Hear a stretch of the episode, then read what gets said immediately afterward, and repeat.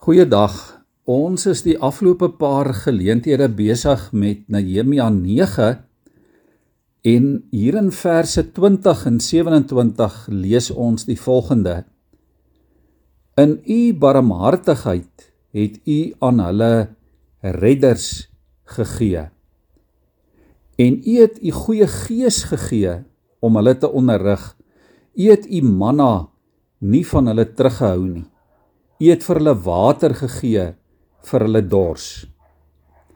Liewe vriende, hier kry ons spesifiek 4 dinge waaroor Nehemia aan sy mense die Here prys in hulle gebede.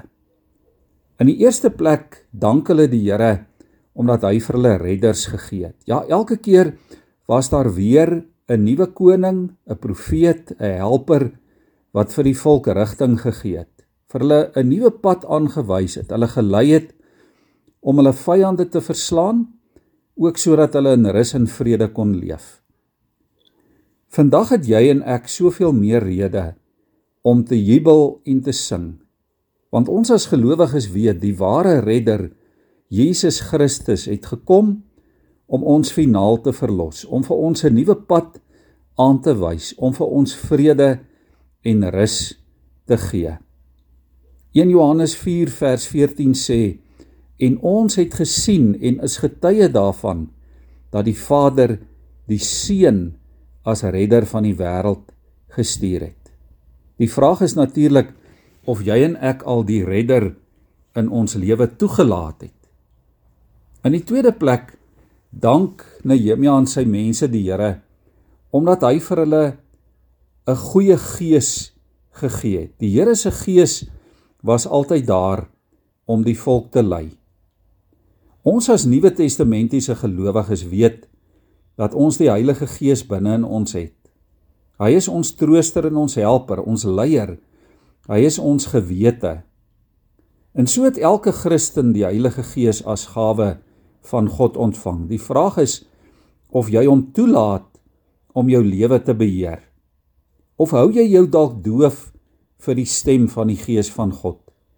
Dalk twyfel jy of jy die Gees in jou het.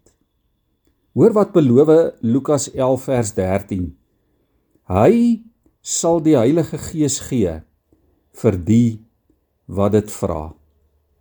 In die derde plek dank en loof Nehemia die Here omdat hy ook vir hulle soos Nehemia dit stel manna gegee het.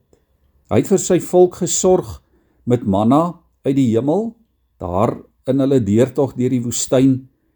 Ja, hy het vir hulle genoeg gegee vir elke dag. Onverklaarbaar en onverdiend en verniet. En jy en ek het soveel meer rede om te sing want die Here gee vir ons en is vir ons die ewige brood. Jesus het vir sy omstanders, die disippels gesê: Ek is die brood wat lewe gee. Wie na my toe kom, sal nooit weer honger kry nie. Wie in my glo, sal nooit weer dors kry nie. En dan dank Nehemia aan sy mense die Here omdat hy ook vir hulle water gegee het. Die Here het sy volk se dors geles met water uit 'n rots. Onverklaarbaar, onverdiend en ook verniet. So die Here vir ons ook lewende water geword. Hy sê self in Johannes 4 vers 14: "Maar wie van die water gedrink het wat ek vir hom sal gee, sal in alle ewigheid nooit dors kry nie. Die water wat ek hom sal gee, sal ook in hom 'n fontein wees met water wat opborrel en vir hom die ewige lewe gee." Jesus sê ook as iemand dors het, laat hy na my toe kom en drink en strome lewende water sal uit hom vloei. Kom almal wat dors het, kom na die water toe. Liewe vriende, kom ons buig ons hoofde voor die Here. Hemelse Here, vandag wil ons voor U buig en U dank omdat U so in oorvloed, Here, vir ons die bron van lewe is. Ja, deur al die eeue het U vir U kinders voorsien.